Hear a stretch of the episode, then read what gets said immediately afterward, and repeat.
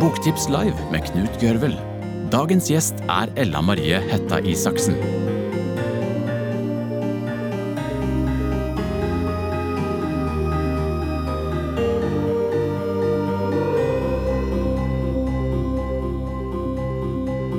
Ella Maria Marie Hetta Isaksen er samisk artist, miljøaktivist, frontfigur i bandet Isak og forfatter av boken 'Derfor må du vite at jeg er same'. Hun er vant også Stjernekamp på NRK. Det er andre Stjernekamp-vinneren vi har på denne scenen. I 2018, og fikk et stort gjennombrudd da. Men fordi hun er artist og altså har vært eh, bejublet av hele Norge, så forventer hun en enorm applaus fra dere. Så tenk, ta imot artisten, stjernen, forfatteren Ella Marie Hetta Isaksen.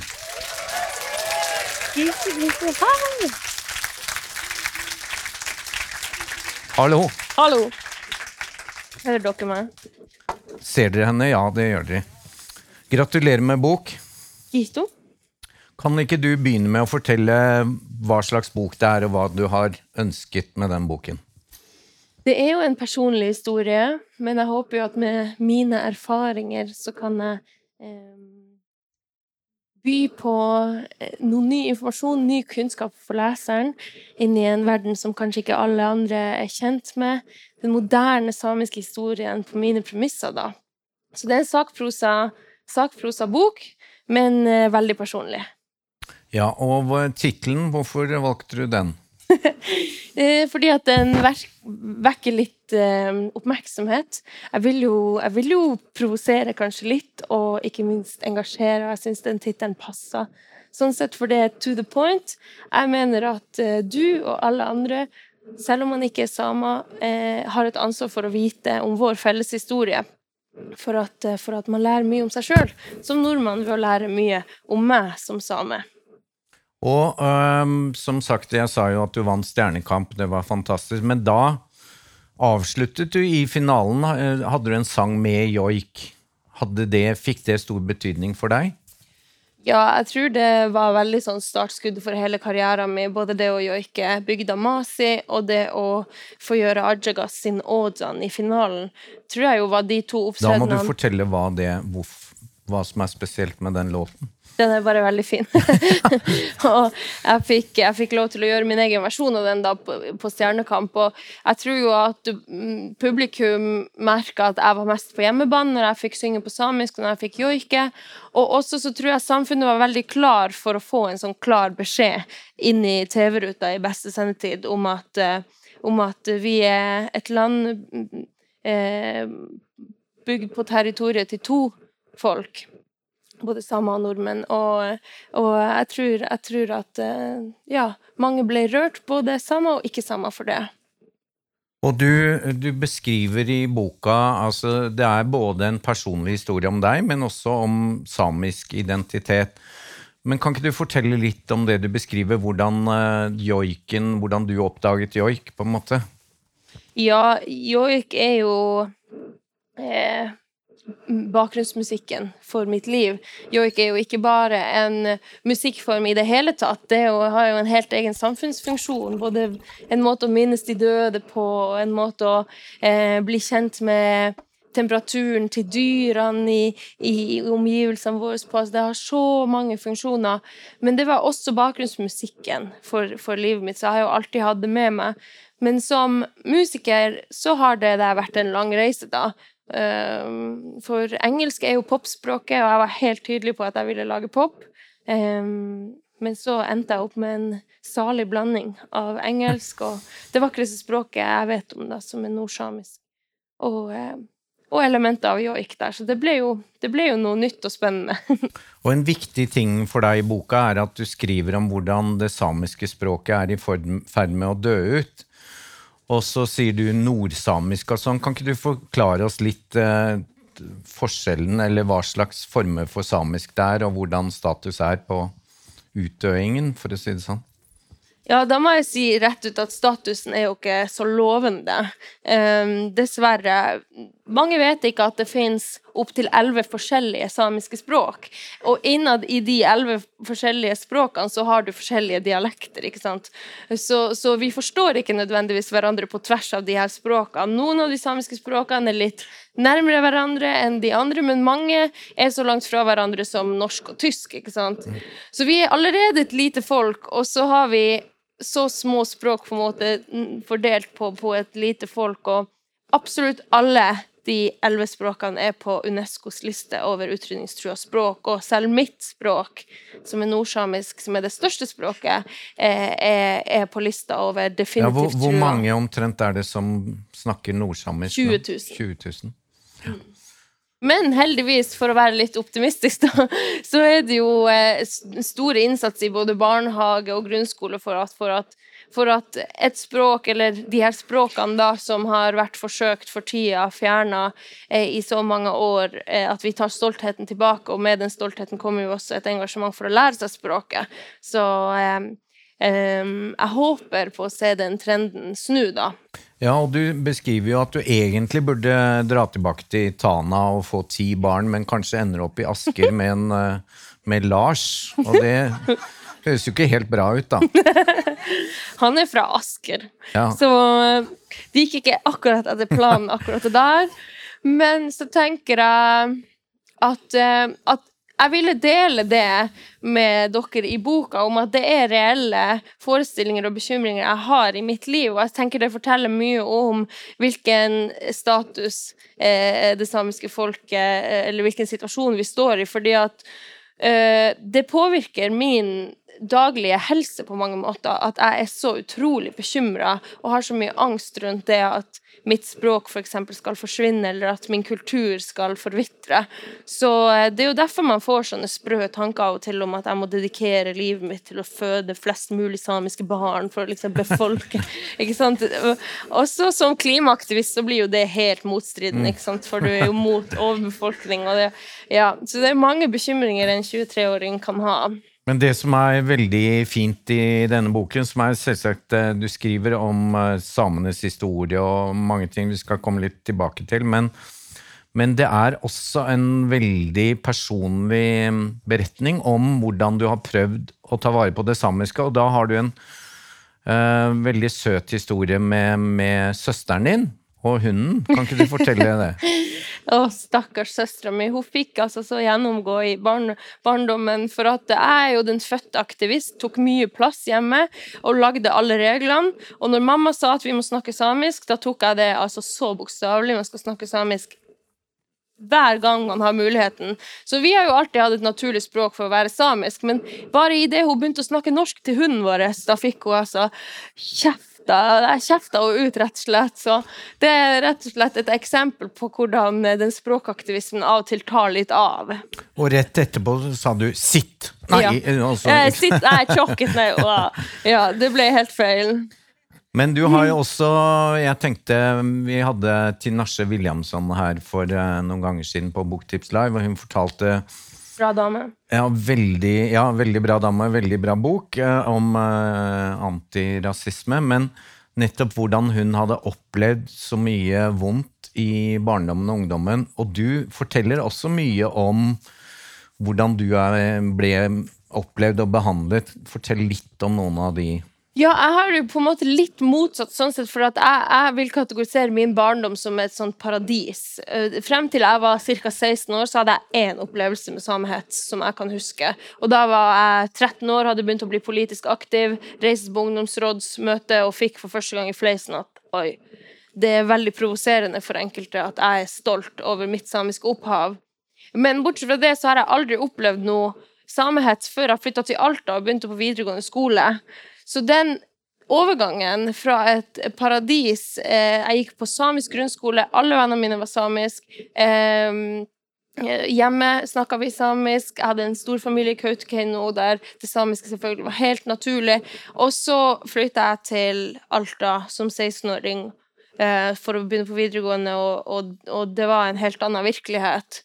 Så for meg ble det en veldig, veldig brå overgang. Og på min første uke på Alta videregående skole, så kalte læreren min meg for hårsår. da jeg begynte å eh, gråte i timen fordi at jeg ikke fikk lov til å dramatisere en samisk historie, da. Så, eh, så det var jo en veldig brå overgang fra å ta det selvfølgelige at jeg tilfører skoletimen noe ved å ta opp samisk historie, så ble det plutselig en ulempe. Og ved å, ved å protestere så ble jeg kalt hårsår foran hele klassen, og det var jo selvfølgelig veldig ydmykende. Men du har jo også eksempler på at man også finner lappeøyne du har, eller altså mm. Du har opplevd mye sånn direkte snakk om at du er same, altså er du sånn og sånn? Absolutt. Og selvfølgelig, jo mer offentlig menneske jeg har blitt, jo mer eh, grov hets har jeg opplevd. Alt fra lappjævel og, og eh, samefitte og de type tingene. Det er jo gjengangere og utrolig stygge. Dere får ikke gjenta dem. Men eh, nei, sånne ting som man kan få slengt etter seg på byen, eller selvfølgelig kommentarfelt og på sosiale medier, da. Så, men man blir, eh, man blir herda, da. Så det går bra. Jo, men du beskriver også, det var kanskje etter Stjernekamp, at du gikk liksom nedover Karl Johan i, i samisk kofte, og så, så er det ikke bare enkelt, det heller. Mm -mm. Og jeg tror veldig mange samer kan kjenne seg igjen i det, at bare det å måtte overveie det, eller, eller tenke seg godt om før man tar på seg kofta offentlig, det i seg sjøl er liksom en vond del av hverdagen, da. At hvorfor kan ikke det som for oss er det fineste plagget, være så selvfølgelig og naturlig å ta på seg som det brukte å være? Eh, det, det, tror jeg for mange oppleves litt vondt. At selv jeg som sant, også er veldig stolt av å være same, at selv jeg av og til tar vurdering av å ikke ta på meg kofta fordi at jeg er redd. Og det så vi jo bare for et par år siden, at en, en gutt på min alder ble slått ned i Tromsø fordi han hadde på seg kofta. Mm. Så det er jo sånne ting som man eh, blir redd for når man går alene, da. Det er, eh, jeg, jeg, tror det var en anmelder var det i NRK som skrev at denne boken er eh, fornorskingspolitikken. Hovedpersonen, på en måte, eller hovedbudskapet. Fortell litt om hvordan Eh, storsamfunnet Norge har eh, behandlet eh, alt fra joik til det samiske. Kort oppsummert helt ræva dårlig behandling. Litt lenger, da. Nei, men, men, min kjepphest er litt det at uh, mange håper jeg som er, klar, er møtt opp her, er jo da klar over at, at uh, vi hadde en, en lang og, og, systematisk fornorskningstid ført av staten Norge eh, i, i, skolen, sånn grovt 100 år, ikke sant. Men forsøkinga av å, å fornorske samene har jo begynt uh, lenge før det, og for min del så, så mener jeg at den, den forsøkinga av å fornorske oss har fortsatt. Og det tror jeg handler mye om at det eh, sterke oppgjøret mot den fornorskningspolitikken aldri kom. Det kom aldri et verdig punktum. For 24 år siden så ba kong Harald om unnskyldning på vegne av staten Norge for den urett som staten har begått mot samene. Det var ett år før jeg ble født, og jeg trenger en ny unnskyldning. Fordi at, eh, fordi at på mange måter så, så mener jeg at den fornorskningslinja fortsatte. Mi, all, mitt hjertespråk, alle de samiske språkene, er fortsatt utrydningstrua, og, og, og reindriftsutøvere må kjempe med nebb og klør eh, i, i, rettssystemet for å kunne forsvare sin rett til å utøve sin kultur. Så altså, det, det oppleves fortsatt som en utrolig eh, eh, utfordrende situasjon, da. Så, så, det er min kjepphest, at fornorskinga tok aldri slutt. Og, og at vi trenger et verdig punktum for å kunne se fremover og begynne en forsoningsprosess. Men det var jo, var jo Ja, applaus til det òg, gjerne, Marit. Men uh, det var jo også sånn at uh, joik var forbudt i, på mm. skolene. Altså Absolutt. Altså, det var til og med forbudt i Kautokeino, jeg tror det joikeforbudet i skolen i Kautokeino sto lengst. Og mm. fremdeles den dag i dag så er det jo ikke lov å joike i kirka i Kautokeino. Mm. Og det er jo utrolig vondt for meg som som eh, mine foreldre har gifta seg i Kautokeino kirke. Min store drøm er å gifte meg, for det første. Men jeg har veldig lyst til Lars, hører du? Lars. Selv om han er fra Asker. Ja. I Asker kirke, Nei, i Kautokeino kirke. Og, og da er det så vondt for meg å se for meg at da kan ikke jeg hedre min ektemann på vår bryllupsdag med hans egen joik, ikke sant, Mm. i kirka. Så det, det er selvfølgelig at de her traumene eh, lever fortsatt i samisk samfunn fordi at den eldre garde har vært utsatt for så utrolig mye skam og, og ja. Så, så for dem er det vanskelig å, å se for seg at, at joiken skal leve videre. Eh, men eh, men eh, ja, Den norske kirke forsøkte i mange mange hundre år å, Mm. å fjerne, fjerne joiken, og har lyktes på, godt på vei. Og de har også lyktes med å fjerne den førkristne samiske religionen, den, den samiske Men mytologien. eh, dette må man jo klare å ta tilbake. Men uh, du har, uh, vi skal litt inn på natur og naturvern, men før det så har du et, et, et kapittel som handler litt om naturvern, men du, du skriver noe som for meg som ikke-same da, liksom var litt rart, fordi det står 'den som tier, samtykker ikke'. Og vi er jo vant til det motsatte, liksom. Hva er det du mener med det? Nei, jeg er jo på en måte veldig ikke-samisk når det kommer til min uttalenhet. At jeg har jo lært meg vestlige debattmetoder der jeg bare har lært at jo høyere jeg roper, jo flere er det som lytter til meg. Det har jeg tenkt å fortsette med, altså. Men, men det er det er egentlig hva skal man si, tradisjonelt samisk, da, eller ut ifra det jeg har hørt om de gamle Sida-systemene, så var justisen sånn at hvis du var uenig i det Sida-rådet diskuterte, hvis du ville protestere, så var din sterkeste måte å protestere på var å sette armene i kors og være helt stille. Så det er sånn, eh, et veldig godt eksempel på en kulturkrasj, da, der kanskje man tradisjonelt i samiske samfunn tier stille når man er uenig, så er det jo den vestlige tankegangen. Hvis du er uenig, så skal du jo protestere. Så um, så dessverre så kan det kanskje være en av mange grunner til at, at eh, det har vært så lett å, å kolonisere det samiske folket. Ja, At det blir lett for oss å late som vi misforstår. Ja. Eh, La oss snakke litt om eh, den samiske naturforståelsen, for det skriver du en del om, og at det er knyttet sterkt til ditt eh, politiske engasjement. Veldig sterkt. Jeg var ikke miljøverner, eller jeg var ikke klar over at det var miljøverner jeg var før jeg meldte meg inn i Natur og Ungdom som 16-åring, men jeg har jo alltid vært miljøverner. Jeg har jo alltid lært at, av mamma at vi skal mm, lage minst mulig bål når vi er ute. Det skal være akkurat plass til kaffekjeller, sånn at vi får eh, varme opp den maten vi skal varme opp, men du skal ikke brenne ned vegetasjon mer enn nødvendig. Eh, pappa har jo alltid holdt på med fiske, så det å liksom beherske naturressurser, det å liksom eh, høste fra nærområdene, det er jo sånne ting som selvfølgelig ligger veldig latent i urfolkskulturen.